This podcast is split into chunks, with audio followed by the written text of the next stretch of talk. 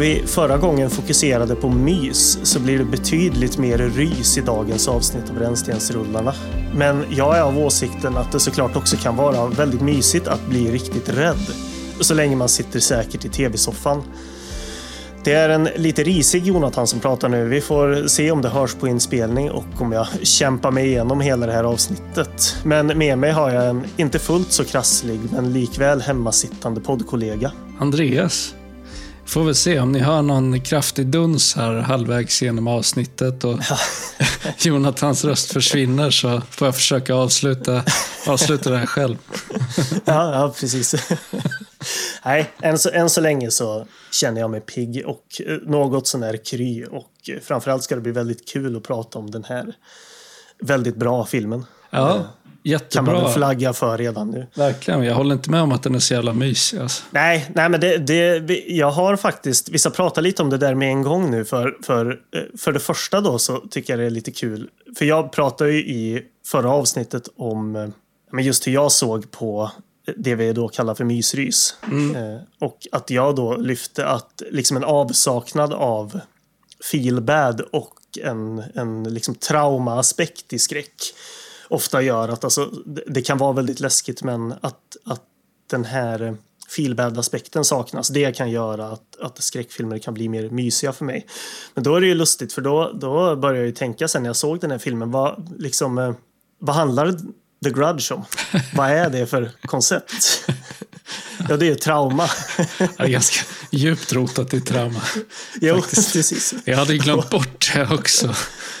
Men grejen är att jag tänkte på det sen.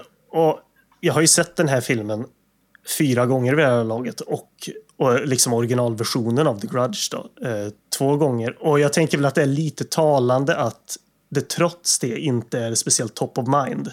Nej. Eh, den här traumaaspekten. För det är klart att det är ju det den handlar om. Men det används kanske inte riktigt på, på samma så här explicita och eh, liksom feel sätt mot vad det kanske gör i mer modern skräckfilm som är, är väldigt rotad i det. Det kommer ju också in ganska sent i filmen. Eh, åtminstone i, i Johan the Curse.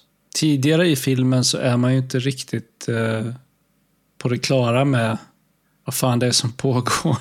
Den har ju inte jättemycket story och det ska vi ju komma till. Mm. Eh, men den storyn som finns, om man läser om den och liksom går in på Letterboxd och läser eh, så låter den absolut inte så mysig. Nej. Och det är ju en självklarhet skulle jag säga, men det tåls att sägas ändå. Det finns ju inget mysigt med den här bakgrundshistorien. Nej, nej, gud nej. Nej, den är hemsk bara. Absolut. Men även med den skulle jag säga att den inte liksom används och gestaltas på ett sätt som jag i alla fall så här i efterhand bär med mig som att när jag tänker på den här filmen så är det inte som att jag går runt och tänker att eh, fan vilken jobbig och dyster historia. Eh, det är liksom inte det man bär med sig på samma sätt. Så jag tänker man skulle ju kunna jämföra med Dark Water till exempel som är en annan J-horror-film alltså från samma, samma era eh, som är mycket mer liksom sorglig än vad den här är. Eller egentligen, det, som till exempel filmerna vi nämnde förra gången som är så baserade i liksom traumaberättelsen. Jag menar den det, det, tydligaste biten i den här filmen som vi såklart ska komma till när en av karaktärerna introduceras eh, från den här bakgrundshistorien. Det görs ju på ett sätt som nästan är lite fånigt. Mm. Eh, så trots att det finns en, en väldigt liksom mörk och sorglig bakgrundshistoria som, som självfallet inte är mysig på något vis så är den... Det är lite svårt att beskriva, alltså förklara eller beskriva men jag upplever det inte som att, att när den här filmen är slut att man mår lite dåligt över hur, hur liksom sorglig historien är. Utan det används ju som ett slags avstamp för kusligheter egentligen, framför allt. Ja, alltså den eh, väldigt mörka, sorgliga, hemska berättelsen eh, är ju inte i förgrunden. Nej, precis. Det är ju en spö spökhusfilm, liksom. Eh, i grund och botten. Ja, det, precis. Det är en spökhusfilm och det finns ett, ett par scener i slutet av den som jag tycker är genuint... Eh, ja, men som jag blir illa berörd av. Men de är väldigt få.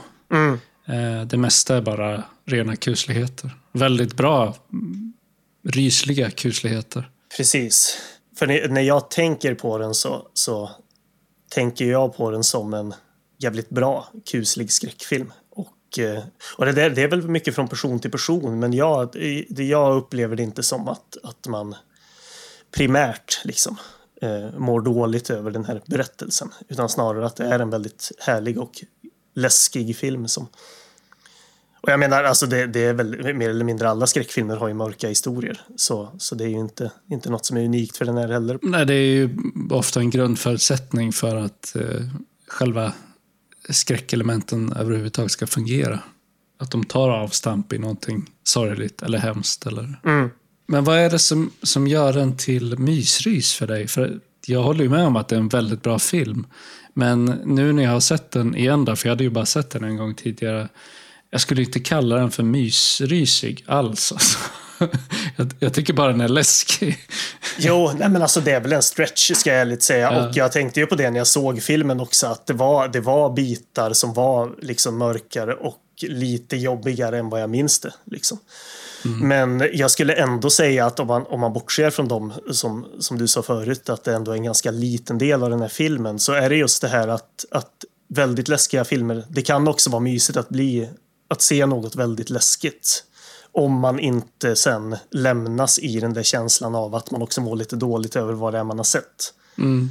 Och det är ju den tanken jag hade med att välja en sån här film. Jag tyckte att det var en väldigt intressant poäng som du förde fram förra gången. Just angående att eh, feelbad film eh, ofta bottnar i en traumatematik. Och när vi pratade om det så kändes det som att det var sant. Liksom. Mm. Och sen har jag tänkt på det i efterhand och jag tror att det stämmer i viss mån. Samtidigt eh, så kunde jag komma på flertalet exempel av filmer eller serier som jag definitivt skulle klassa som mysrys. Som också kan sägas eh, ha med traumatematik att göra. Mm. Till exempel en, en film eller en miniserie som jag pratat om. Eh, Stephen Kings The Shining. Den är ju verkligen mysrys. Den, den, är inte speciellt läskig, men den är ju väldigt mysig mm. eh, i si, sina kusligheter. Samtidigt så handlar, handlar den om en familj där pappan blir eh, galen och ger sig på sin egen familj och så vidare. Men alla vet vad The Shining handlar om. Så jag har väl kommit fram till att det måste ju ha med gestaltningen att göra. Mm. Om man upplever det som obehagligt på riktigt. Sen exakt vad det är i gestaltningen som gör att det blir feelbad, det vet jag inte. Eh, det kanske vi får gräva vidare i någon gång i framtiden, men det är ju på den linjen som du var inne på nu också när du snackade om att mm, den här filmen också absolut eh, har med eh, trauma och, och väldigt tragiska skeenden att göra. Men att på grund av hur det gestaltas i största delen av filmen så är det inte nödvändigtvis så att man upplever det som så eh, känslomässigt jobbigt att se den liksom. På det stora hela. Nej, precis. Man får väl, får väl se den här då. Vilket man definitivt ska göra. Men, men om man uppfattar det. Om man kan mysa i känslan av att bli rädd eller inte är ju en helt annan sak. Mm. Eh, jag har tagit fram loggningar här. Eh, och jag tog fram för lite olika filmer. För den här filmen, då You on the Curse, har 15 000 loggningar på Letterboxd. Mm. Eh, jag, tittar, jag glömde faktiskt bort att kolla på IMDB nu. Det, det är, eh, den har 8,8 tusen. Ja, ja, ännu färre. Så 8800 blir det. Ja. Eh, den filmatiserade versionen, The Grudge, då, helt enkelt You on the Grudge från 2002, har 84 000. och remaken från 2004 har ja, ungefär 170 000. Okay. Och anledningen till att jag tar upp det är att jag tyckte det var lite intressant för om man då jämför med det, det kommer bli lite jämförelser med Ringu och eh, den regissören. Det är nästan omöjligt att inte se de här två liksom, filmfranchiserna liksom sida vid sida. Verkligen. Eh, om man då jämför med Ringu, då, liksom det japanska originalet från 98, så har den 174 000 loggningar och den amerikanska remaken har nästan 500 000. Oj. Och jag tyckte det var lite intressant då att tänka för eh, hur det kommer sig att The Ring är så otroligt mycket mer populär. Ringu är ju en bättre film än The Grudge. Eh, det, det, är lite vid sidan om. Men jag skulle säga att eh, The Grudge och scener som förekommer både här då i You on the Curse och sen i den filmatiserade versionen har liksom skräcksekvenser som är minst lika ikoniska eh, genom skräckhistorien som The Ring har. Jag skulle ju säga att The Grudge som filmfranchise och liksom som namn är så långt ifrån en rännstensrulle man kan komma. Ja, ja. Men i någon mån skulle man ju ändå kunna argumentera för att alltså 84 000 loggningar är väldigt lite. Mm. Eh, för en film som är så framstående inom skräckhistorien. Var det alltså The Grudge från 2002? Är det den The Grudge vi pratar om? Ja, precis. Den har 80 000. You on the Curse har bara 15 000 Ja, loggningar. Så det är precis. definitivt en rännstensrulle på alla sätt och vis. Men det, alltså, det är en intressant jämförelse på flera sätt med Ringu. Därför att jag tycker att Ringu är en betydligt bättre film än You on the Grudge från 2002. Mm. Men jag tycker att You on the Curse, som vi ska prata om idag, är en bättre film än Ringu. Ja,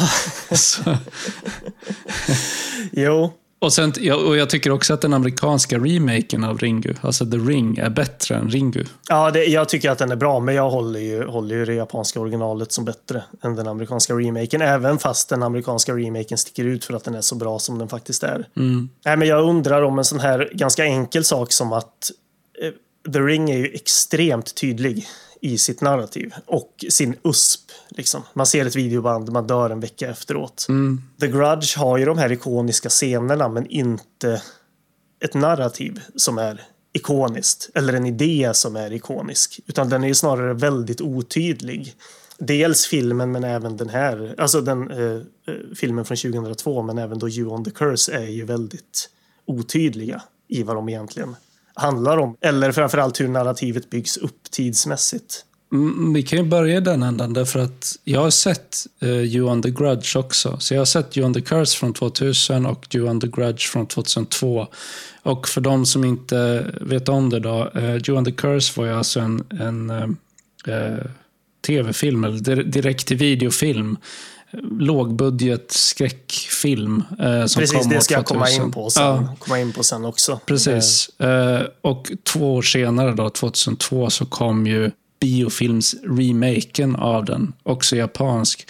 Men det är intressant därför att jag tycker att det som gör den första filmen så mycket bättre är ju att den är så otydlig i sitt narrativ. Och det är väl biofilmsversionen också i någon mån, men den går ändå åt det mera eh, linjära och tydliga hållet. Och den har också tydligare influenser från Ringu, i och med att den också har så här sekvenser där man får se spöket ta sig igenom tv-rutan. och sådär. Så det kändes som att den i viss mån försöker kopiera vissa bitar från Ringu som vid det här laget också måste ha varit en väldigt populär film för att den, den amerikanska remaken av Ringu kom ju samma år, 2002. Ja, Så, så det, det finns så här kopplingar där som inte är helt... Jag är inte helt på det klara med eh, vad som har influerat vad. Nej, men exakt. Alltså den, det, de här, alltså You on the Curse kan man liksom gå ända tillbaka till 98 också för att hitta, eh, hitta liksom spår av som jag ska komma in sen på. Då. Men jag tror bara att, att eh, en, en liksom avsaknad av en så tydlig, eh, tydlig narrativ USP eller hur man ska uttrycka det, gör att den här filmen förmodligen har... Jag menar att, att det kanske är framförallt de ikoniska scenerna som har kvarstått. Men att, eh, att filmen i sig inte har haft samma liv i efterhand. Det är ju uppenbart den amerikanska remaken som är, är eh, mest populär. Den såg jag inte, jag hade tänkt att göra det, men jag har ändå förstått det som att som att den ska vara ganska bra och det är ju typ en amerikansk remake för den, den utspelar ju sig i Japan med till största delen japanska skådespelare och med ett japanskt crew bakom och så vidare. Så det är ju... Och Buffy the Vampire Slayer. Ja, det är väl största anledningen till att jag har varit ganska så här, avig inför den för den känns så otroligt så här, tidsbestämd till tidigt 2000-tal när det är Sarah Michelle Gellar som spelar huvudrollen. Jag har inte sett den heller. Nej, det, det, det, någon gång så kanske jag återkopplar lite grann. Mm. Om man ser den framöver. Jag varit lite nyfiken. Men däremot så såg jag ju den här remaken från 2019 som var kass. Eh, Så den kan man definitivt skippa. När du ändå nämnde remaken så kan vi ta Six Degrees of Motion Picture Separation på en gång för den har med den att göra. Mm. Six degrees for motion picture separation. A scientific experiment connecting all the movies in the world. I förra avsnittet så pratade vi om Tales from the Crypt Demon Knight från 95 och där spelar William Sadler en av huvudrollerna. Och han är ju med i den här remaken av The Grudge från 2020. Eh, The Grudge som då ursprung, ursprungligen är skapad av eh, Takashi Shimizu som både skrivit och regisserat Due on the Curse som vi ska prata om idag. Mm. Så här råkade det också då finnas en, en väldigt eh, eh, snabb och enkel koppling. Det var väl ganska, det, ganska behagligt också. Ja, det var det. det, att man har de där lätta stegen, annars så skulle man nog behövt grotta lite grann kan jag tänka mig. Ja, det kan bli svårt nästa gång. Mm. Vi får se. se om man löser det. Ja, men det är väl alltid spännande.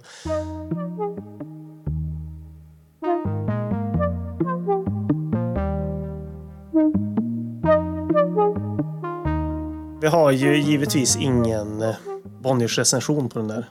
Eh, den, jag tror inte ens att, att den filmatiserade versionen för 2002 gick på bio i Sverige. Eller jag är osäker på det i alla fall. Möj, möjligt att den gick på någon filmfestival kanske. Mm. Eh, men remaken lär jag ha gjort det. Eh, nej, men jag, jag har plockat fram då två recensioner från Rotten Tomatoes. Det var inte jättemånga där heller faktiskt. Nej.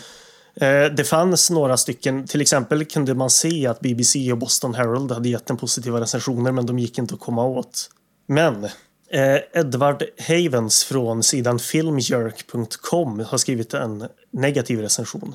Och han skriver då så här. A nearly bloodless and scare-free exercise in futility. Jumping from scene to scene with very little continuity and even less comprehension of the concept of true fear. Oj. Det... Det, det, låter som en av de recensionerna som vår inhouse-recensent skulle kunna ha skrivit innan han fick sparken.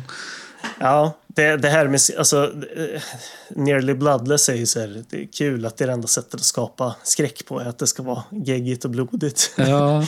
Men Scare Free, alltså det, det är ändå grejer som jag har, har läst lite grann om när man har läst recensioner på Letterbox till exempel, att det är ändå ganska många som tycker att den här är jävligt trist fram till sista 20 minuterna. Typ. Ja, de, de måste ju sitta och hålla på och fibbla med annat. Jo, men, jo men exakt, exakt. Det kan ju inte vara att de sitter i ett nedsläckt rum med liksom hög volym på och faktiskt hänger med i filmen. De är bara ofokuserade. Jag skulle säga att den här filmens stor, absolut största eh, vinst är ju stämning. Ja. Eh, men det, det, det ska vi ta sen. Det är för Brian Gibson från sidan View Weekly som verkar vara någon sån här från Edmonton, Alberta. Det var otydligt vad det var för sida, men han har i alla fall skrivit en positiv recension. Och han skriver så här. Creepily riveting like fingernails, fingernails running down a blackboard or a fork scraping on china. As the curse's mystery unravels it also deepens into a puzzling metaphor inte helt uh, säker på vad det är han menar.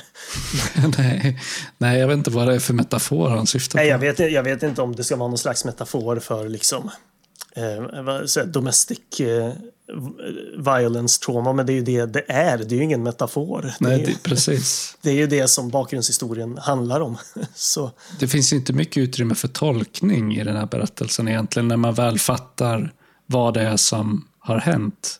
Så nej, jag vet inte vad det skulle vara en metafor för. Nej. Det vet jag att eh, Takashi Shimizu har sagt också när han har liksom fått frågan om vad, vad det han skapar betyder. Att han säger nej men jag försöker bara skrämmas. Jo, och alltså jag vet inte om det finns någon slags sån här eh, Alltså om man ser till den där, för, för The Grudge då, det är baserat på en, en uh, folksaga, japansk mm. folksaga. Uh, Yotsuya Kaidan. Det är just det här att, att ett våldsdåd eller, eller ett liksom en traumatisk händelse kan lämna en eh, curse på en plats helt enkelt. Och alla som besöker den platsen och människor i anslutning till dem kommer helt enkelt hemsökas av det. Eh, och jag vet inte om det finns något om man menar att det finns någon metafor i det. Ja, det är väl om liksom hela eh, storyn eller den legenden i sig själv då, är en metafor för att uh, ondska föder ondska, typ. Ja, ja men precis. Men, eh, nej, men jag tycker att det, det är ju mer, liksom, som du tog upp det, som Shimizu själv, själv har sagt, då, att det, nej, men det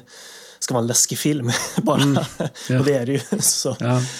Eh, innan vi går vidare till de som är inblandade så, så är det ändå lite kul att ta upp liksom, hur den här filmen då, You on the Curse, kom till liv kan man ju säga. För det finns inte enormt mycket information om produktionen. Det mesta som jag hittar kommer egentligen från Wikipedia bara. Men den är ju baserad på två kortfilmer som släpptes 1998. Eh, dels då det här telefonnumret 444 och så vidare. Heter den ena kortfilmen. Eh, och den andra kortfilmen heter Inna Corner eller Katasumi Inna Corner. Och de här två funkar på sätt och vis som prequels till You on the Curse. För eh, Inna Corner, de är liksom 4-5 minuter långa bara. Och Inna Corner visar då två studenter som tar hand om skolans kaniner. Och det här är ju en scen som antyds till i You on the Curse. Just. Eh, och här förekommer också då Kayako, den här spökkaraktären, för första gången. Och den här andra kortfilmen, då telefonnumret, är en, en slags version av ett segment som också finns med i You on the Curse. Där en eh, ung kille hittar en telefon som ringer utanför en skola som han svarar på och så det följer det på ett ungefär samma form som segmentet i filmen. Men han det, Shimizu hade ju då skrivit manus till ett antal kortfilmer innan det här och han gick samtidigt en kurs i filmskapande som hölls av Kiyoshi Kurosawa. Jaha. Och eh, Kurosawa gillade de här manusen så pass mycket så att han rekommenderade Takashi Shimizu till producenter som skulle producera en antologifilm. Eh, Den filmen heter School Ghost Story G och de här två kortfilmerna blev två av fyra segment i den filmen. Eh, och Kiyoshi Kurosawa då givetvis är regissör bakom fantastiska filmer som Pulse och Cure och så vidare. Eh, såg liksom potential i och eh, uppenbart då blev ju den här antologifilmen populär och att de här segmenten stack ut. För sen så fick han ju då Takashi Shimizu liksom budget för att göra den här direkt till videoversionen. Eh, som då släpptes via Toeis, eh, via Cinema, eh, liksom label kan man väl säga. Eh, och Kurosawa hade ju också regisserat en hel del via Cinema-filmer. Man kan nämna liksom till exempel Serpent's Path och Door 3 som är två väldigt bra filmer. Så han hade ju uppenbarligen också kontakter inom det här liksom producentnätverket eller vad man ska säga.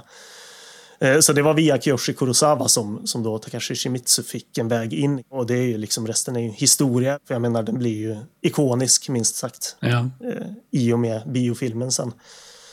Eh, Men i, alltså, i linje med det kan man säga att vad det gäller de inblandade, det verkar vara väldigt mycket alltså one-time filmarbetare som har jobbat på den här. Ja, utöver då regissören och ett, ett fåtal andra. Och det är ju då Takashi Shimizu som har regisserat och skrivit manus. Eh, och han är intressant att nämna i liksom likhet med sin kollega då Hideo Nakata som regisserade Ringu, för ingen av dem har ju någonsin riktigt lyckats nå upp till framgångarna de hade med de här ikoniska filmerna. Och det är klart att de har ju regisserat mycket, eh, mycket grejer. Och Takashi Shimizu har ju regisserat massa Grudge-filmer ända och andra filmer, alltså senaste kom 2021 tror jag. Inte en Grudge-film då, men senaste filmen han regisserade. Och jag, jag, jag såg att jag hade sett och loggat The Grudge 2. Alltså då, det blir ju lite luddigt det här, för det finns ju en japansk The Grudge 2 innan den amerikanska remaken kom och det kom en uppföljare på den. och jag tror att jag hade sett The Grudge 2 men jag kommer inte ihåg någonting från den. Och sen, sen vet jag också att jag hade sett Ringu 2. Den amerikanska, nej den japanska uppföljaren till Ringu. Jag kommer inte ihåg någonting av den heller. Så Ja, men det, det är ju jävligt snurrigt när det finns här japanska uppföljare som har kommit innan remaken av den första och sen kommer det en, ytterligare en remake av den som är amerikansk och det blir så här det är svårt att hålla re- reda Ja. på i vilken ordning saker har skett. Ja, och framförallt med den här franchisen är, är liksom luddig i, i hur mycket filmer det har kommit och så vidare. Och jag menar, nu finns det ju en hel drös The Grudge-filmer som har kommit senaste åren. Det Ja. finns någon Netflix-serie som ska utspela sig innan de här filmerna som tydligen ska vara rätt bra. Jag kommer inte ihåg vad den heter, men det är liksom åtta avsnitt eller någonting. Så den har jag varit lite nyfiken på att se. Jag vill bara flika in här att jag ser att eh, Takashi Shimizu faktiskt har regisserat nu i år också. 2023. En film som heter Immersion och en som heter Minna no Uta. Mm. Så han verkar, ja, men han verkar vara väldigt yrkesaktiv fortfarande. Ja, ja, absolut. Ja, man kan ju nämna då till exempel så har han regisserat live action remaken av Kikis Delivery Service. Den Ja. heter Kikis Expressbud eh, på svenska. Alltså Miyazaki-filmen då. Men sen även en, han hade väl någon slags karriär i, i Hollywood. Flight 7500 med Ryan Quanten från True Blood kom där kring 2014 tror jag att det var. Men jag vill lyfta filmen Marbito från 2004 som är alltså, kanonbra. Ehm, Alltså den är extremt annorlunda mot alltså hela The Grudge-franchisen kan man väl säga. Men den är väldigt kuslig och olustig. Okej. Eh, den handlar om en kameraman som, som liksom filmar för tv som spelas av min liksom, cinematiska husgud Shinya Tsukamoto. En liksom kameraman som är besatt av att liksom se, eh, komma fram till vad det är man ser precis innan man dör. Han har filmat en man som begår självmord i tunnelbanan och kan få liksom ett ansiktsuttryck som man blir så här helt besatt av. Att vad är det han såg innan han dog? Ja. Eh, och sen efter det så, så liksom tas han till jordens mitt via tunnlar under Tokyo och hittar en kvinna där fastkedjad. Den är så extremt Lovecraftiansk för det är, mycket, det är referenser till Mountains of Madness och så vidare. Men den är väldigt eh, nedtonad och det, det är mycket mer, liksom mer mystik och olustighet än regelrätt skräck skulle jag säga. Den låter helt bonkers när man läser om den men den är mycket mer nedtonad än så. Men den är väldigt, eh, väldigt liksom obehaglig och framförallt olustig. Det är en sån här jättemärklig känsla i den. Eh, Men definitivt sevärd. Så nej, men han har regisserat mycket men jag skulle väl säga att av det, det lilla jag har sett så är det den annars som man bör se utanför de här Grudge-filmerna. Foto är av Nobuhito Kitsugi. Eh, och sen musiken är av Gary Ashia. Eh, som hade gjort musik till, till eh, flertalet Kiyoshi Kurosawa-filmer. Eh, bland annat Cure och Seance. Men han hade jobbat mycket eh, med Shimizu också. Den använder sig ju av eh, ett speciellt audiogrepp, eller vad man ska kalla Ja. det, som man känner igen från många andra eh, filmer. Det här med, jag vet inte om man ska härma det, men det låter Är, som så här, är, det- vi ska se om det är samma som jag tänker på. Är det här? Ja, exakt. Ja, Exakt. Jag har försökt söka efter det där ljudet. Jag vet inte vad det är för någonting. Eh, Det ljudet och de här syrskorna återkommer Mm. i tusentals filmer. Eh, Om Verkligen. man ser liksom japansk film framförallt från den här tiden. Är det, så är det jämt är de här ljuden med. Ja, det bästa man kan jämföra med det är ett slags så här swoosh-ljud fast mer Ja. industriellt låtande. Som Ja. att det är så metalliskt på ett sätt. Så här. Ja, men precis. Eh, men, men det är väldigt... Eh, det återkommer i en mängd skräckfilmer. Så jag tror alla känner igen det när man hör det här ljudet. Ja, men verkligen. Annars vad det gäller musiken så skulle väl jag säga att det finns väldigt få saker som är, ja, men, som är rätt dåligt med den här filmen. Jag skulle väl tyvärr säga att musiken är en av dem. För den är eh, väldigt eh, eh, så otroligt onödig i vissa fall. Ja, För det finns ett fåtal tillfällen där den är väldigt stämningsfull. Som, men sen så är den det, jätte, det är som att den säger så här, nu är det läskigt. Vill musiken säga så här att ifall ni, du inte är rädd så, så kör man en musik-cue som, som för att så här, påtvingad läskighet på något vis som är helt onödigt. Ja, för resten av filmen är ju så eh, återhållsam Ja, eh, i sitt berättande. Och eh, nej, jag håller med dig. Det, det är en av de sakerna som gör eh, bioversionen betydligt sämre än den här också. Att, Mm. eh, Ja, den är ju ännu värre. ja, den är ännu värre. Där används verkligen eh, musiken som liksom, ja men cuea läskig scen. ja, nu kommer monstret liksom. Ja, precis. Ja, men utöver de här då som jag har tagit upp, som sagt så är det jättemånga som bara har jobbat på den här filmen. Eh, Okej. eh, alltså, och ingenting utöver det. Så jag tror att det var mycket, ja, men av någon anledning, liksom one time filmarbetare som har varit med. Ja. Det är ju mycket, känns det ju som ett, ett inte kvalitetsmässigt skulle jag säga, men, men eh, utöver det liksom ett studentprojekt känns det som. Som uppenbart blev väldigt populärt. Eh, Och det är egentligen lite samma sak med skådespelarna också, för när man tittar på de här, det är ju flera som har varit med i, i väldigt stora filmer, men det är också väldigt många av dem som också har varit med i jättemycket filmer som är regisserade av Kiyoshi Kurosawa.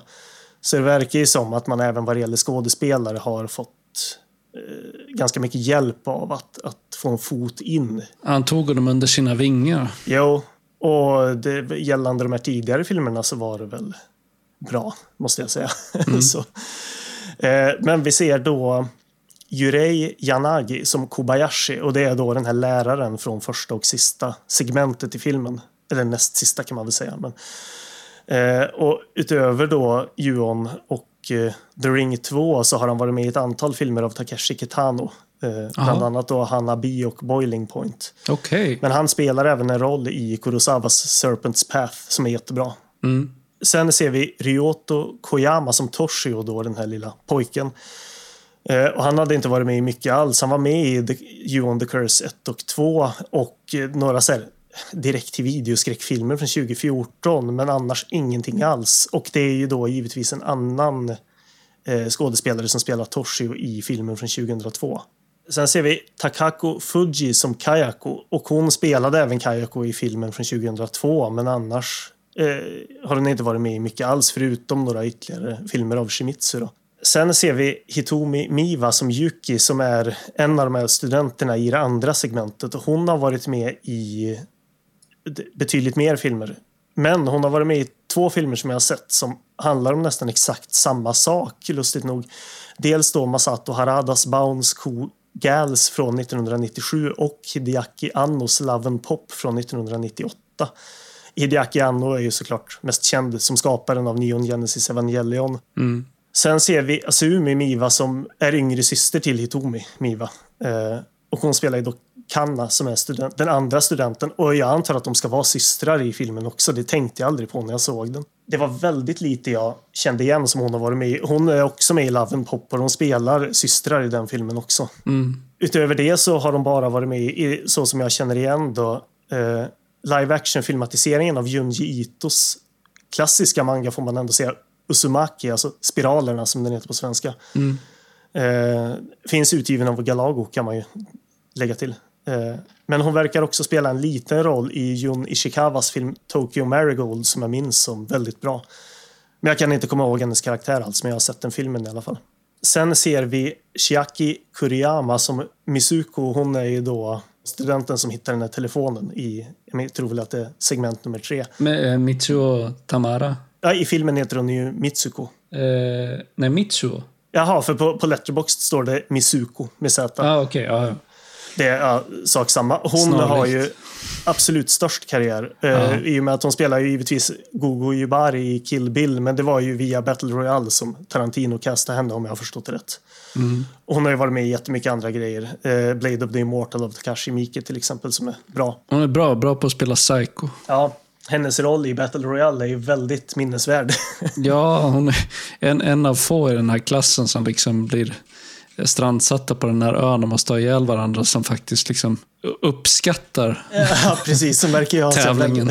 Verkar få liv av det här. Ja, liksom, precis. den här situationen. Är speciellt. Ja, jävla bra film, Battle Royale. Ja, verkligen. Såg om den för inte alls länge sedan. Den är ju kanon.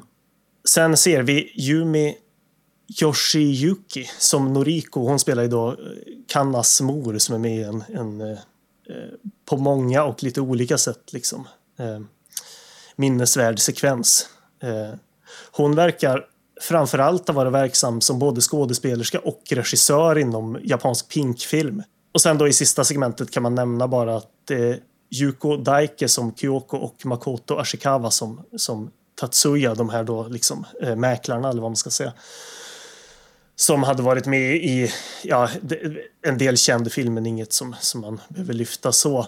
Men sen så man kan ju också nämna eh, Taro Suva och Denden. Hans namn skrivs ut som Denden. Eh, de spelar poliser i ett av segmenten och de verkar vara... Det känns nästan som någon slags sån här stuntcasting. För de är väldigt stora och framstående skådespelare som gör en väldigt liten roll. Så jag gissar att det är om man var liksom japansk publik och såg dem att det var liksom lustigt att de dök upp. Ja. Men eh, då Taro Suva har varit med i alltså flera filmer av Sion Sono men även Shin Godzilla, eh, Demon Lover av Olivier Assayas kanonfilm för övrigt. Men han var även med i Burst City av Sogo Ishii som vi nämnde i eh, vårt avsnitt om August in the Water. Så han har varit verksam väldigt länge. Eh, och detsamma gäller den, den också då. Han har varit med i jättemycket storfilm så. Sen så finns det en skådespelerska till som jag ska nämna men hennes roll är så liten så vi, vi tar henne när vi kommer dit. eh, men det är de som är invol involverade helt enkelt. Som är, alltså det var ganska många fler skådespelare som var med men det var jätte, även där jättemycket folk som hade varit med i tre, fyra filmer bara. Alltså det är egentligen först när man, eller i alla fall för mig när jag sitter och tittar på rollistan så här som man inser fan vad många människor det är som är med och och spelar i den här filmen. Ja, Det känns inte som att det är en så stor cast, men nej, men det, det har väl just med det här, för det är ju en, en eh, speciell filmupplevelse också. För det, det är klart att det finns ju en, en bakgrundshandling som jag nämnt och om det här huset som, som det ligger en förbannelse över. Men eh, det är ju egentligen framförallt liksom sex stycken vignetter som, som Ja. bygger på stämning och en specifik skrämseleffekt kan man ju säga. Det är ju en, en liksom vignettfilm på så sätt. ja, en antologifilm. Ja, som alla har också. Och det har ju också med det här med, med casten att göra. Att de här eh, liksom vignetterna har ju alla liksom en eller två huvudroller som, som är med. Eh, så det är ju en lite speciell film på så sätt att prata om just att man har det här så uppdelade, uppstyltade liksom formatet. Ja.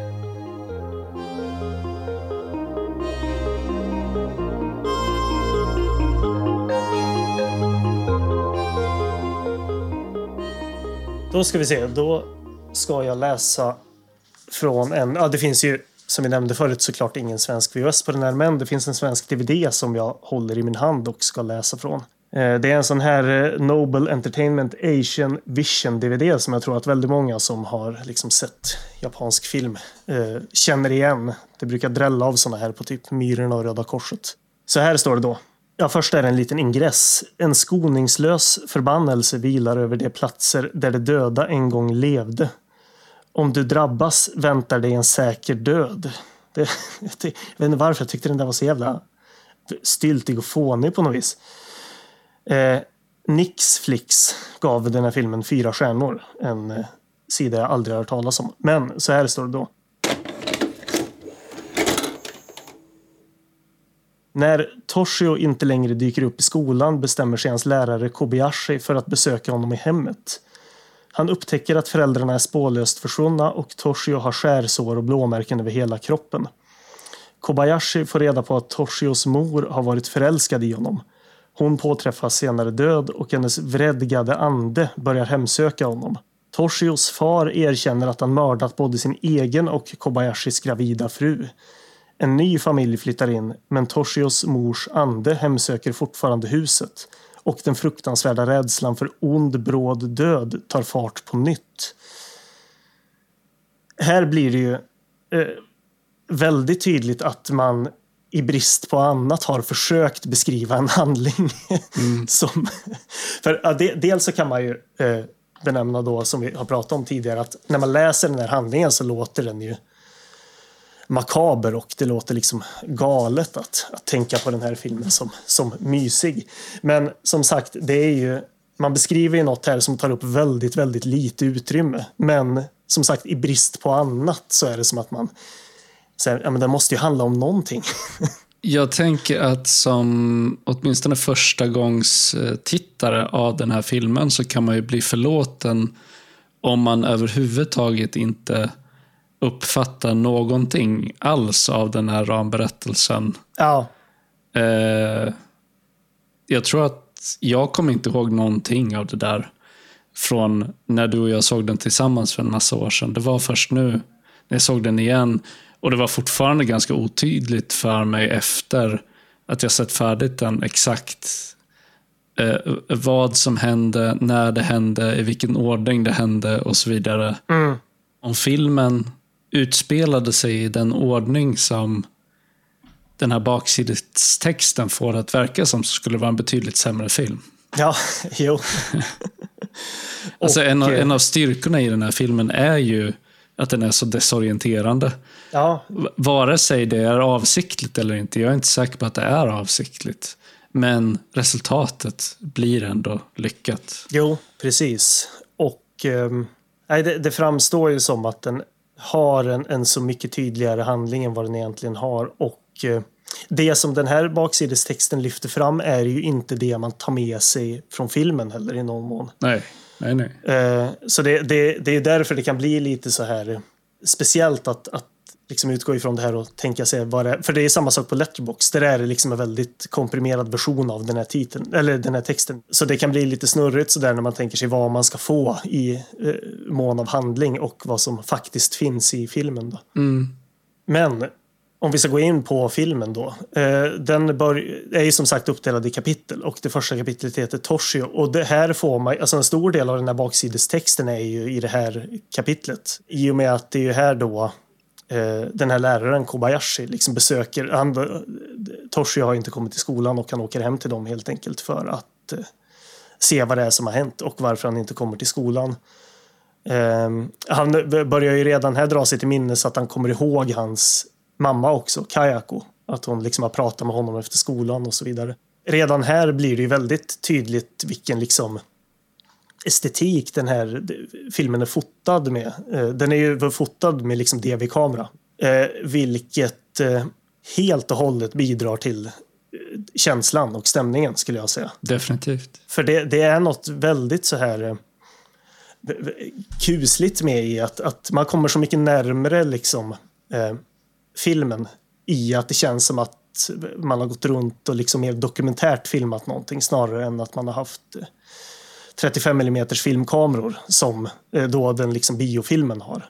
Att den ser billig ut eh, tillför helt enkelt. Ja, Men han kommer ju då fram till, till det här huset och Saeki som de heter i efternamn. Eh, och ingen svarar men det är ju ett jamande som återkommer eh, hela tiden. Eh, som man hör. Och han eh, träffar ju Toshio då i ett fönster på baksidan. Eh, och han blir insläppt då i huset. Och uppenbart är ju då, som det också stod i den här texten, att Toshio är ju misshandlad. alltså sår på knäna och Ja, precis. slarvigt påsatta bandage. Och ja, just det. En annan grej som är lite speciellt det är ju att i och med att alla de här kapitlen liksom bygger på en specifik effekt kan man säga. Så, så har jag funderat lite på, så här, men ska man spoila det? Samtidigt så är det ju att alla de här scenerna, jag menar Kayako som kravlar ner för trappan och Toshio som jamar är ju återigen liksom ikoniska bilder. Varenda människa känner ju till de här, skulle jag Det är gissa. svårt att prata om den här filmen om vi inte pratar om det. Ja, men precis. Så, så, men jag tror som sagt att, att vare sig man har sett den här eller inte så känner man nog igen väldigt mycket av de här effekterna.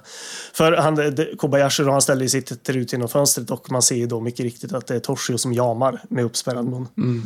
Eh, en sån där grej som jag undrar om det någonsin liksom förklaras varför. Om han liksom har, har så blivit besatt av kattens ande i någon mån. För de, de hade ju en katt också, som ju såklart är död den också. Ja, och jag tror att eh, maken i den här familjen mördade ju katten Ja, precis. också. Så han verkar ju ha blivit besatt av kattens ande. Då. Men nej, alltså om man börjar tänka för, för ingående på eh, saker i filmen så hänger det väl inte riktigt ihop. Men Nej, nej det, alltså, det är en, det är en bra effekt bara. Eh, ja, det är det är det. Och, och. Eh, också desorienterande. Eh, Det är det jag menar med att jag är inte säker på att, att det, det avsiktligt är så. Jag vet inte det. För att om jag tittar på, på biofilmen som kom två år senare så tycker jag att väldigt mycket den tyder på att man inte riktigt förstod vad som gör den här filmen så, så pass bra. Antingen det eller att man bara ville göra mer av en ja, biostorfilm för att man hade råd med det. Men, men jag tycker det är slående eh, liksom hur vanligt det är att, att eh, regissörer gör sämre filmer när de får mer pengar att röra sig med. Ja. Och det, här, det är bra att du tar upp det, för jag menar det här kapitlet avslutas ju på en av de alltså, bästa liksom, bilderna i hela den här filmen. Då får man ju då se en liksom, hel bild av det här huset. Och se Kobayashi nedre kant, liksom, hur han tittar ut genom det fönstret och man ser en kvinnogestalt gå ut på balkongen på övervåningen. I biofilmen så är det ju inte en kvinna utan det är någon slags sån här svart dimma om jag minns rätt. Ja, En dataeffekt helt enkelt. Och jättetrist. jag, jag kommer ju ihåg den här slutbilden redan från när vi såg den här filmen första gången. Att jag tyckte att det var så jävla effektivt och snyggt att man nästan kan missa att de går ut där. Liksom. Och sen så klipper det till svart och det är kapitel två. Eh, nej, det är så, så väldigt liksom. eh, Det är en, alltså både fint filmad och en så jäkla obehaglig effekt i att man hör det i jamandet och hon bara går ut på, på balkongen och det klipper till svart. Allting i det här huset de befinner sig i är ju så väl skildrat. Mm. Alltså utan att egentligen visa så mycket så skapas ju verkligen en obehaglig men också väldigt melankolisk stämning. Med den här lilla pojken som liksom bara sitter och, och slumrar i soffan helt utslagen medan Kobayashi då väntar på att föräldrarna ska komma hem. Och det är stökigt som fan och, och man liksom anar att här har det hänt något hemskt. Liksom. Uh, och pojken beter sig så märkligt, han är ju som katatonisk mer eller mindre. Han säger ingenting och sitter tyst och stirrar. Liksom. Mm. Men sen då så klipper vi till kapitel två. De, alla de här har ju då eh, namn efter karaktärerna. Kapitel två är då Yuki. Eh, och då är det ju de här två systrarna då, Kanna och Yuki som sitter och studerar. De är ju liksom studenter, jag vet inte vilken årskurs de ska gå i. Eh, men de hör ju också det här jamandet och det här är väl givetvis, eh, det är ju lite otydligt vad som utspelar sig när, men det är ju efter liksom Kobayashi biten av handlingen i alla fall. Jag menar, det, det Toshio och Kaya, de är ju spöken även i Kobayashi, inslag, alltså segmentet. Men det, jag förstår det som att det här ska utspela sig efteråt, alltså långt senare när det har flyttat in en ny familj där. Ja, jag tror det också, men det, det är ganska oklart när, när de olika antologifilmerna utspelar sig, eller kortfilmerna utspelar sig. Men de hör ju då det här jamandet och eh, Yuki är, är rädd för katter. Hon har någon Ja. sån här katt, kattfobi. Eh, ska man inte skratta åt i och för sig. Det är klart man kan vara rädd för katter. Jag gillar inte katter heller, men jag har ingen kattfobi. Du är ju rädd för insekter, fan. Ja, ja men exakt, exakt. Eh, så, nej men och då säger ju eh, Kanna att hon måste springa till skolan för hon sköter kaninerna. Det här är ett lite lustigt koncept, för jag har Ja. sett det här återkomma i andra japanska filmer och liksom anime och så vidare, att man har kaniner som man sköter om. Jag har inte läst något mer om det, om det alltså, är vanligt på skolor att man har kaniner som man sköter om. Men jag har sett det återkomma på flera ställen. I alla fall, det, det är det hon måste springa iväg och göra. Eh, och det får man ju såklart då se eh, i den här kortfilmen.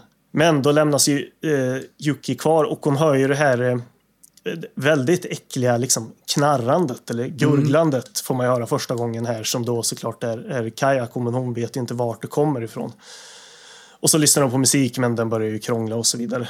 Eh, CD-spelaren. Kan du härma det där ljudet? Nej, jag, jag, jag, jag tror inte det. Jag vet inte om jag kan det heller. Det, men det det är är alltså, äh, man måste få det... Ja, något sånt. ja precis. Fast, fast ännu mindre. Ännu torrare och ja, ännu och- knarrigare. Precis, och mindre ton i det liksom. Utan Ja, att det är som att det, knarrar i halsen bara. Ja, Eh, det är svårt men, att få till. Ja.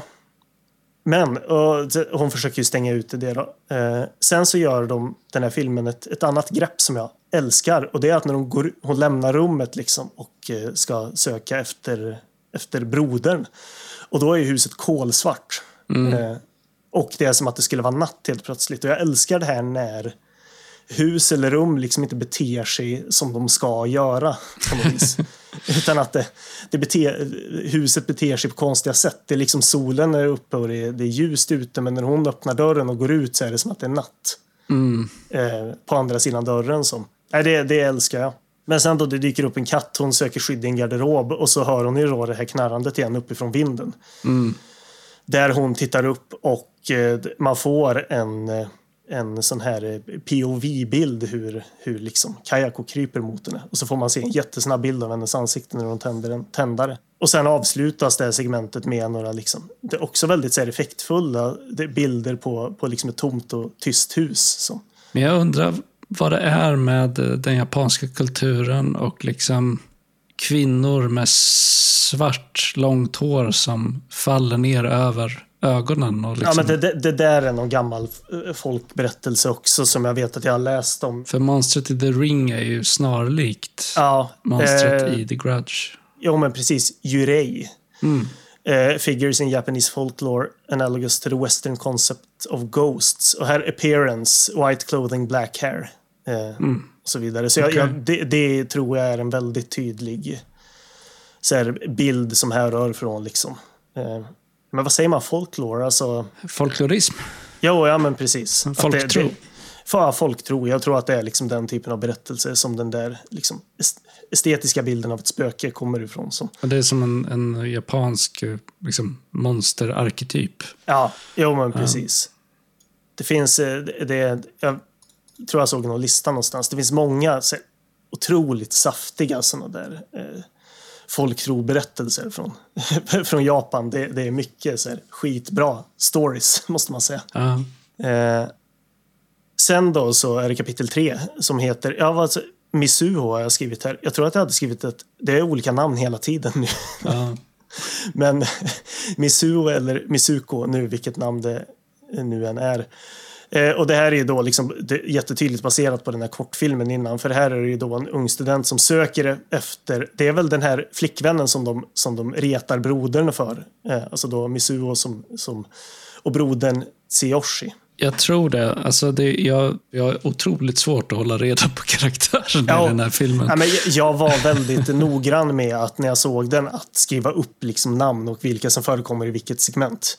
Eh, Så jag, jag vis- visste ju det sen innan att det kan vara jävligt mäckigt att hålla isär. så, men hon, det, jag, jag förstår det som att det är ju den eh, flickvännen som de har retat brodern för och att hon söker efter brodern och åker till skolan. Liksom. Just det, för hon hittar en cykel utanför skolan där, vilket tyder på att han inte har lämnat skolbyggnaden. Nej, exakt. Och hon hittar även då en telefon på trappen. Ja. Eh, hon får ju lov av, av någon, jag tror att det är gympaläraren, liksom, eh, att gå in i skolan och söka efter honom. Och här är det också så jag tycker att det är jättefina klippbilder när de ropar ut över den här liksom, tomma skolan och skolgården. För den, den ser nästan så här apokalyptiskt övergiven ut på något vis. ja, med, det är väldigt ödsligt. ja. precis. Det är, jag tyckte också att det är intressant hur upprörd den här läraren som kommer hit Ja. är över att hon står utanför byggnaden och väntar på sin pojkvän. Jag menar, hon är inte ens inne i skolbyggnaden, hon står utanför och ändå säger det här ska jag rapportera.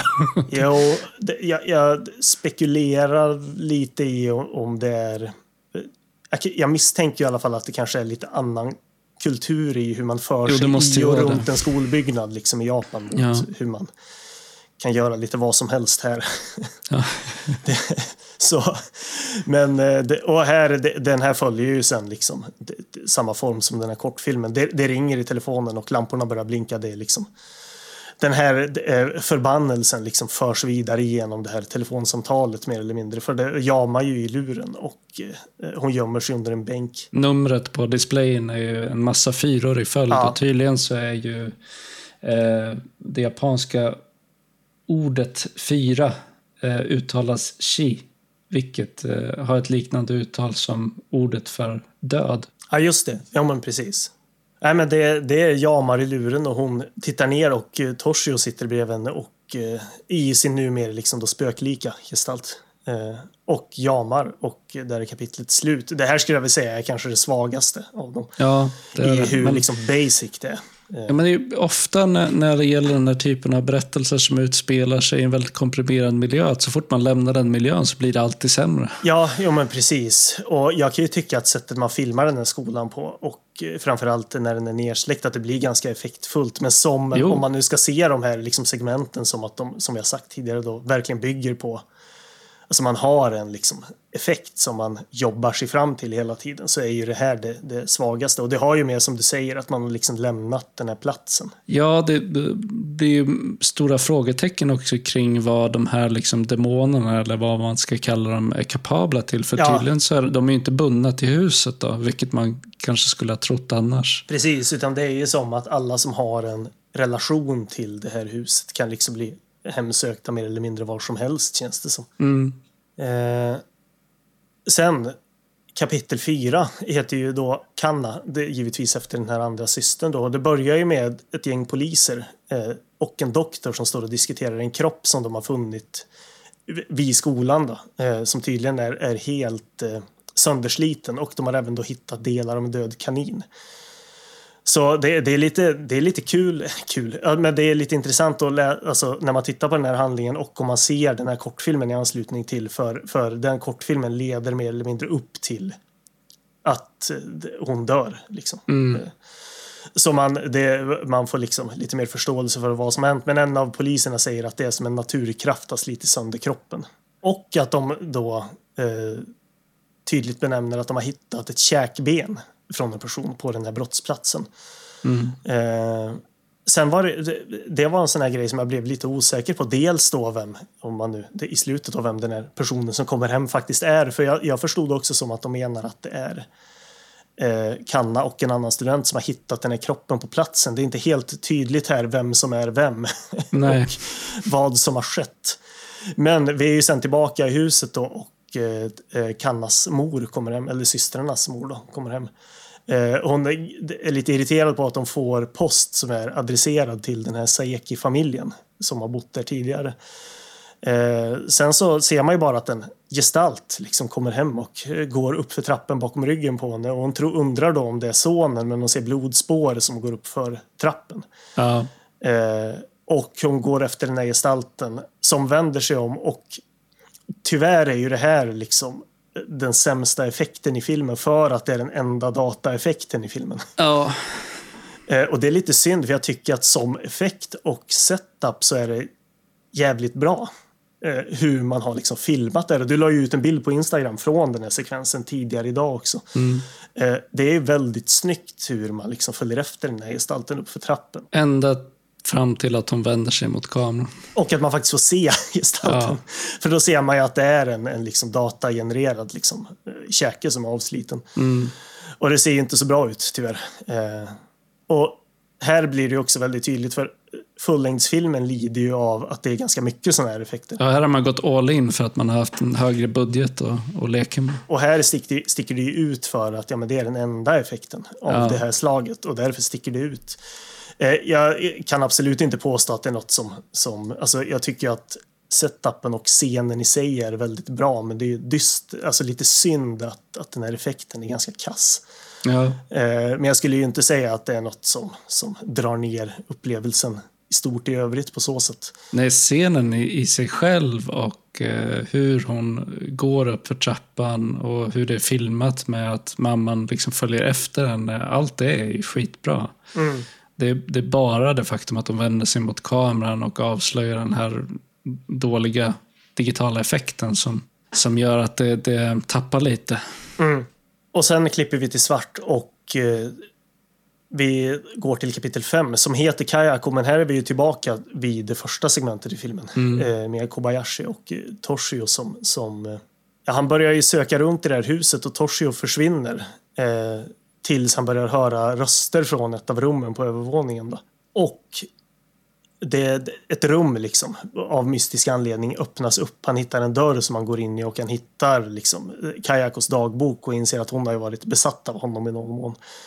Eller förälskad i honom men också varit alltså följt efter honom mer eller mindre. Fört bok på vad han gör om dagarna. De är väl gamla klasskamrater från ungdomen, är de inte det? Just, jo, det stämmer. Precis. Hon har varit förälskad i honom under hela sitt liv.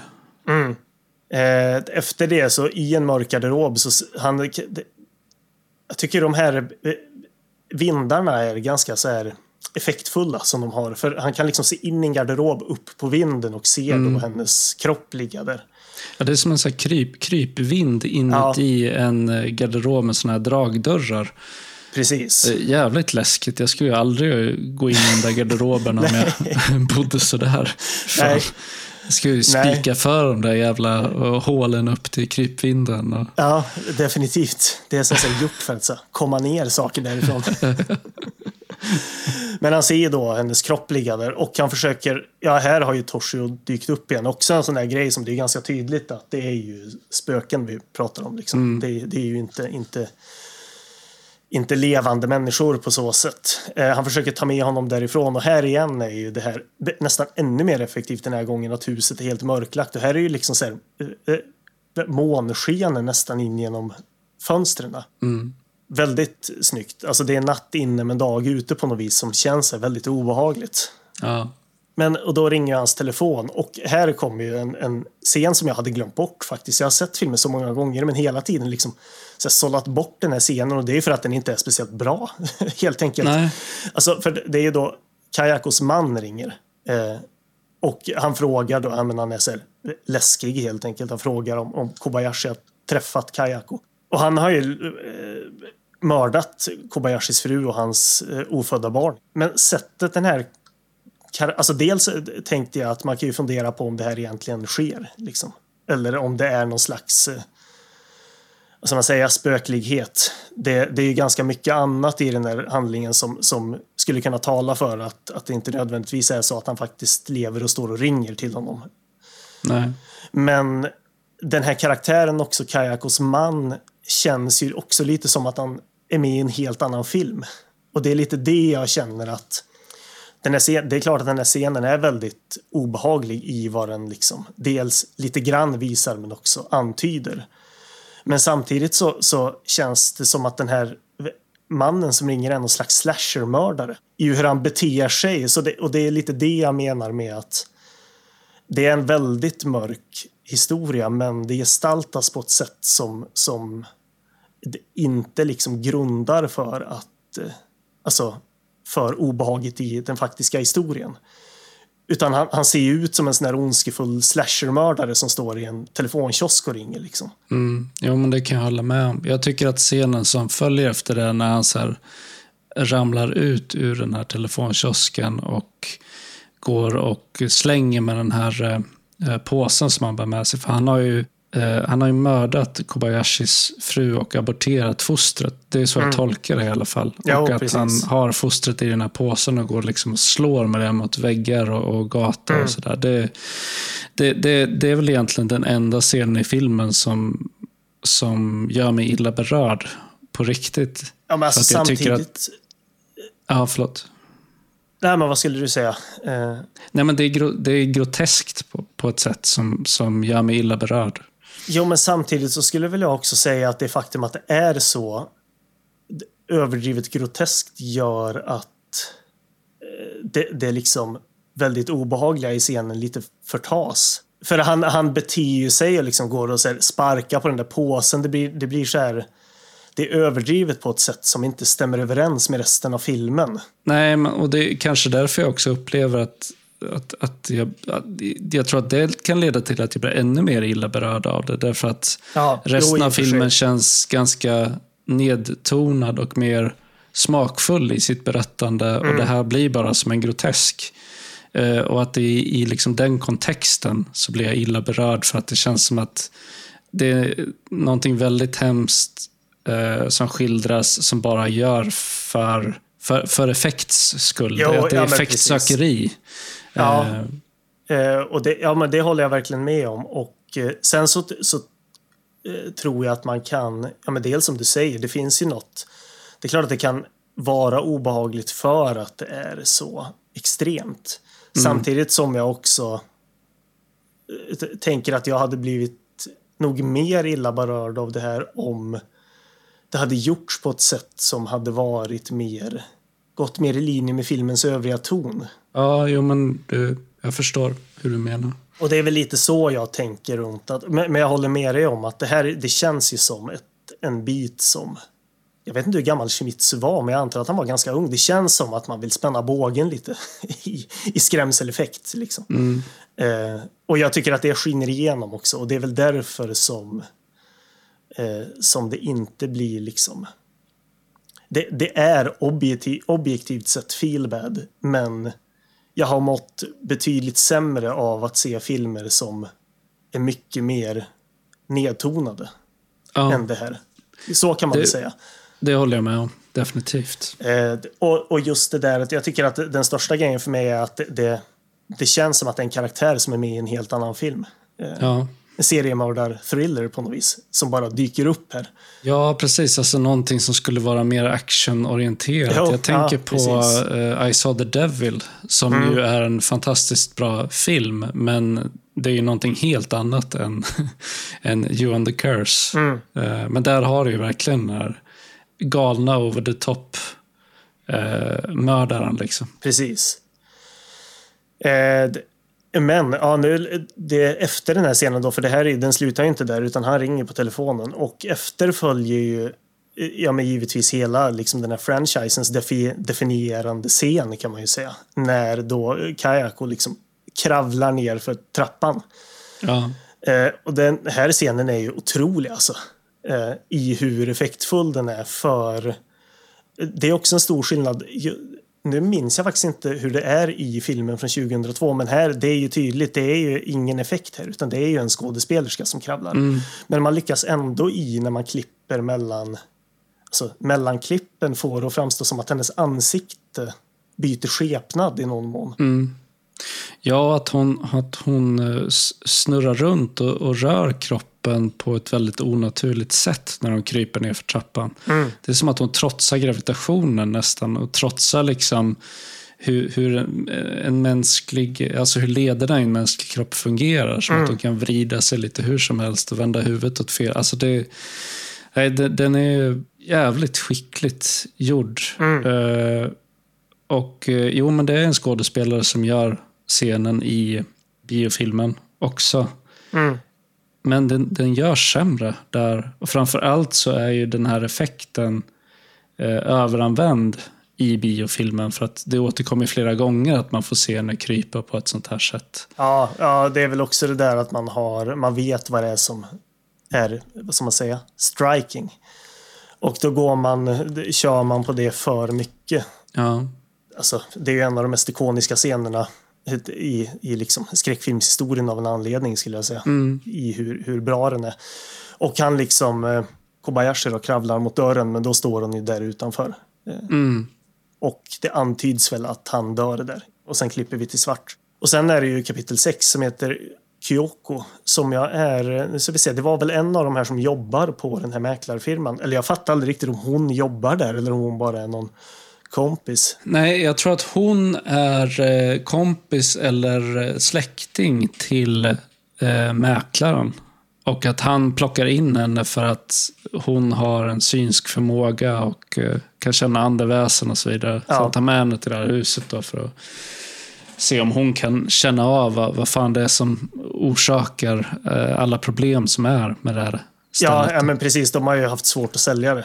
Eh, Och att det har stått tomt länge. Så, så han tar med henne Av dit. förklarliga skäl när alla som flyttar dit bara dör en ond bråd död. Jo, jo, ja, men precis.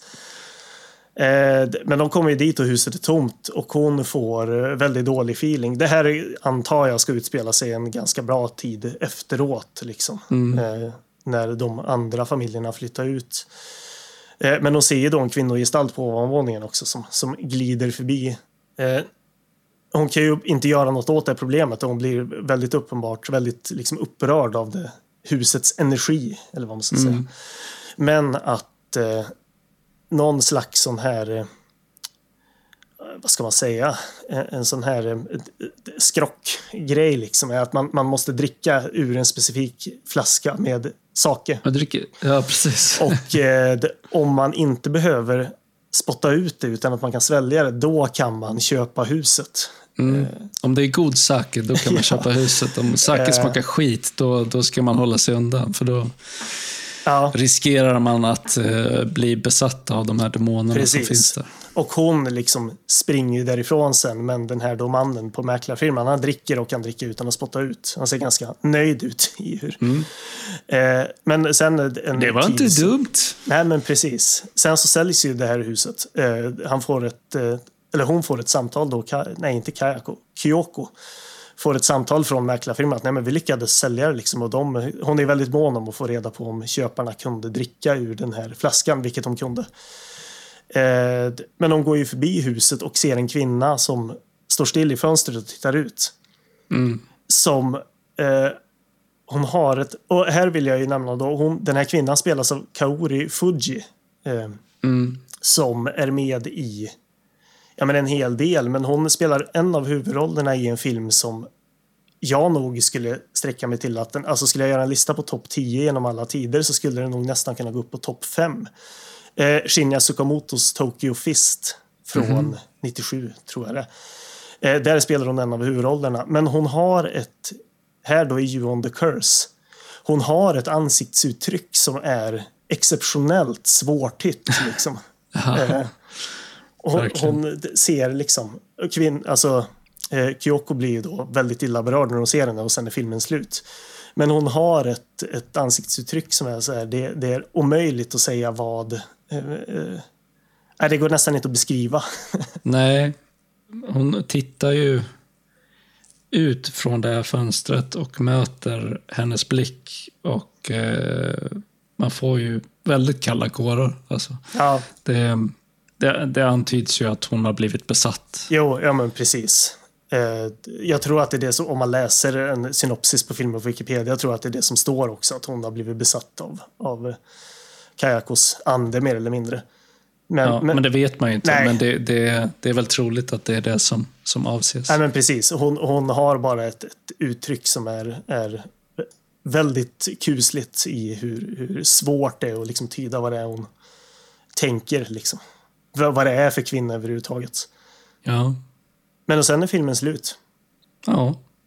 Den är ju väldigt liksom rätt på just för att det är den här typen av ja, men, antologifilm och bygger så mycket på korta sekvenser som, som utgår ifrån skrämseleffekter. Men jag skulle också säga att den är som skräckfilm betraktat fenomenal. Alltså ja, den är ju skitbra.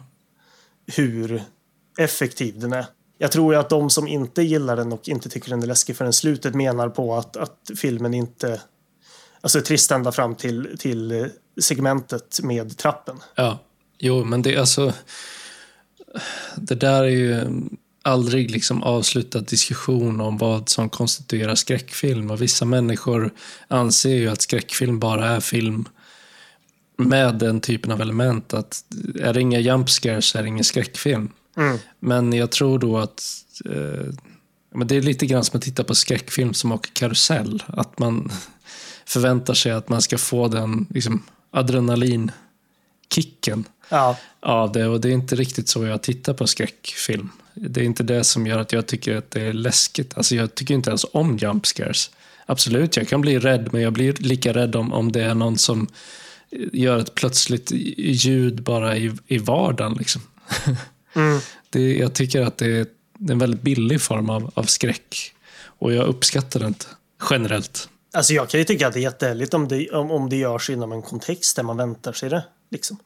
Det, alltså, det, berg och dalbaneskräck skräck tycker jag är superkul. Liksom. Eh, men om man då ser det som för vad det är. Ja, Eh, men det funkar ju inte i den här typen av film som är så helt och hållet avhängig på stämning. Nej, men visst, absolut. Det är en film som bygger på liksom jump scare teknik, eh, paranorm, paranormal activity-serien. Mm. Där är det ju flera filmer som jag tycker om och det, det är absolut jump scare betonat. Eh, Men jag, det, det är så här filmer som jag har väldigt svårt att se på bio. För att det blir, för- det blir för mycket för mig. Jag klarar inte av det. Liksom. Jo, ja, det kan jag ju förstå. Jag tycker, det var så länge sedan jag såg den typen av, av jump scare-skräck på bio. Men jag har ju sett ganska mycket. Ja, det är ändå ganska kul. Nej, jag tycker inte det. Alltså, av samma anledning som jag aldrig åkt berg och dalbana. Alltså, jag tycker inte om att eh, liksom vara på helspänn på det sättet. Så om jag ska se den typen av film så gör jag det mycket hellre hemma. Där jag liksom kan kontrollera miljön runt omkring filmen. Eller miljön som jag tittar i. Annars klar, har jag svårt att klara av det faktiskt. Men där är det väl... eh, Där är man ju kanske lite grann inne på, alltså, eh, om man är tillbaka på liksom temat i sig. Alltså om man tycker att det är kan vara härligt att bli rädd. Liksom. Mm. Och jag tycker ju det. Ja, och det, det gör väl jag också i någon mån eftersom jag tycker väldigt mycket om den här filmen. Jag, jag tycker att det är en jättebra, inte bara skräckfilm, jag tycker att det är en bra film. Mm. Man kan ju avsluta med att om man ska se, ja nu har jag ju inte sett eh, den amerikanska eh, remaken från 2004. Jag är svårt att tro att den ska vara bättre än den här. Så om man vill se något som har med The Grudge att göra, då är det ända bak till You on the Curse man ska söka sig. Ja, jag tycker det räcker med att se den. Jag tycker inte att uh, Johan the Grudge är bra. Jag tycker att den är, jag tyckte det är en ganska dålig film. Den, till skillnad från den här, upplever jag inte som läskig överhuvudtaget. Nej, nej, tyvärr.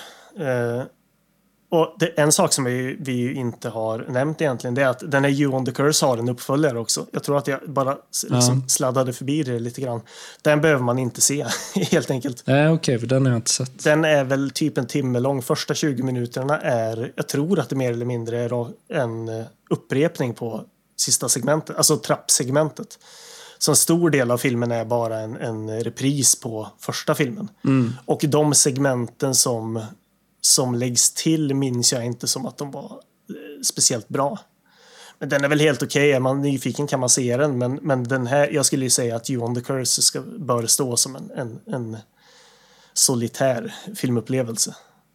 Mm. Och den, den eh, bästa versionen av The Grudge som man kan se. Men vad tycker du om Johan the Grudge? Ja, Jag, jag tror att jag är väl lite mer positiv än dig, men den var sämre när jag såg den andra gången. Jag håller med dig om att eh, framförallt så har man ju en ganska tydlig vilja att även om man inte sätter upp narrativet i en liksom tidsmässig tydlighet så, eh, i en tydlig kedja, så vill man ju få in mer story i den. Ja, Eh, vilket inte känns nödvändigt. Och sen som du säger så har man ju lyckats. Eh, det som gör de här sekvenserna väldigt läskiga har man ju nästan helt och hållet lyckats fila bort. Ja det är intressant. Vilket är lite lustigt nästan. Jag fattar inte hur man lyckas. Men, men det, är, det är just det här att allt som är effektivt för att det känns så verkligt är väldigt tydligt overkligt i biofilmsversionen för man har lagt på effekter och sånt. Mm. Och det är ju mycket sånt där. Det är ju någon sekvens på ett sjukhus där de tittar på övervakningsfilmer och så är det en sån svart dimma som förföljer någon och sånt där som bara är ganska dåligt liksom. Så det, det är ju att man har man har tagit liksom skräcksekvensen och tänkt hur kan vi göra de här lite mindre läskiga, känns det som. Det var ju framförallt den sekvensen som jag tänkte på när jag eh, sa att man har kopierat Ringu. För där är det ju det är en svart figur som kommer gående mot kameran. Eh, en, en, eh, vad som ser ut att vara eh, en, en kvinna med svart långt hår som hänger ner över ögonen som sen liksom går ända fram till kameran och liksom blickar ut genom tv-skärmen. Eh, jag vet inte, den, den, Johan the Grudge föll mig inte i smaken alls. Jag hade faktiskt svårt att upprätthålla eh, intresse filmen igenom trots att den bara är en och en halv timme lång. Mm. Kan väl säkert delvis ha att göra med att jag eh, också har sett Johan the Curse och tyckts så väldigt mycket om den. Och jag menar, har man sett Johan the Curse så vet man ju exakt vad som kommer hända i Johan the, the Grudge. Så det, det är väldigt få saker som kommer som överraskningar i den. Ja, det, det, det var en sån där grej som jag faktiskt bara glömde bort att kolla upp. Men jag hade...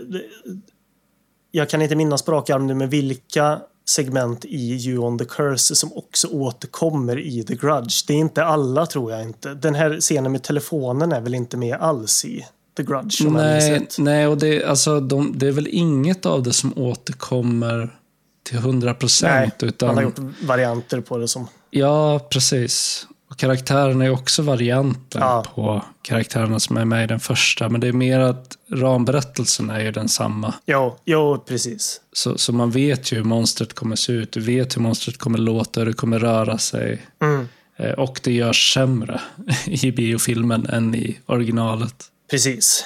Eh, så You on the Curse ska man definitivt söka upp. Och så kan man eh, nöja sig där. Och så kan man se Maribito från 2004 istället för att se The Grudge sen.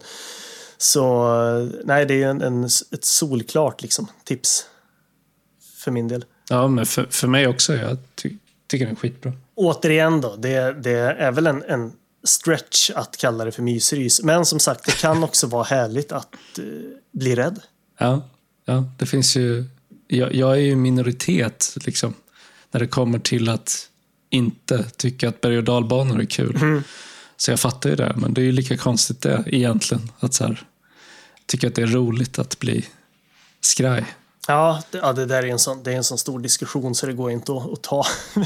Nej. så, men, nej, men det, så är det ju verkligen att eh, nej, men det, just om man bara uppskattar det eller inte. Jag, jag tycker att det är att det finns väldigt mycket som är, att det är härligt liksom. Att eh, just känna det där att eh, någonting är jävligt läskigt och sen när eftertexterna rullar så kan man lite så här nu är man klar med det liksom och så kan man titta på något annat eller eh, så. Mm. och det, det kan jag verkligen uppskatta.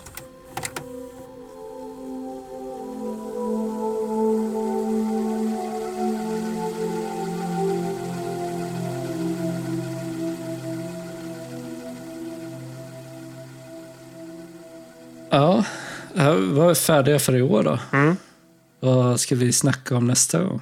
Då ska vi ha vår årliga, eh, vad ska man säga, kanongenomgång. Eller vi ska ju helt enkelt, eh, helt enkelt uppdatera vår eh, Rännstensrullarnas definitiva filmkanon. Mm. Så vi ska ju titta tillbaka på, på året som gått och eh, liksom lyfta fram de filmerna vi har tyckt allra bäst om och eh, placera in i vår kanon. Ja, det, det här året eh, kan jag tänka mig att vi kommer eh, ha lite mera eh, meningsskiljaktigheter kring valet av filmer som ska vara med i kanon.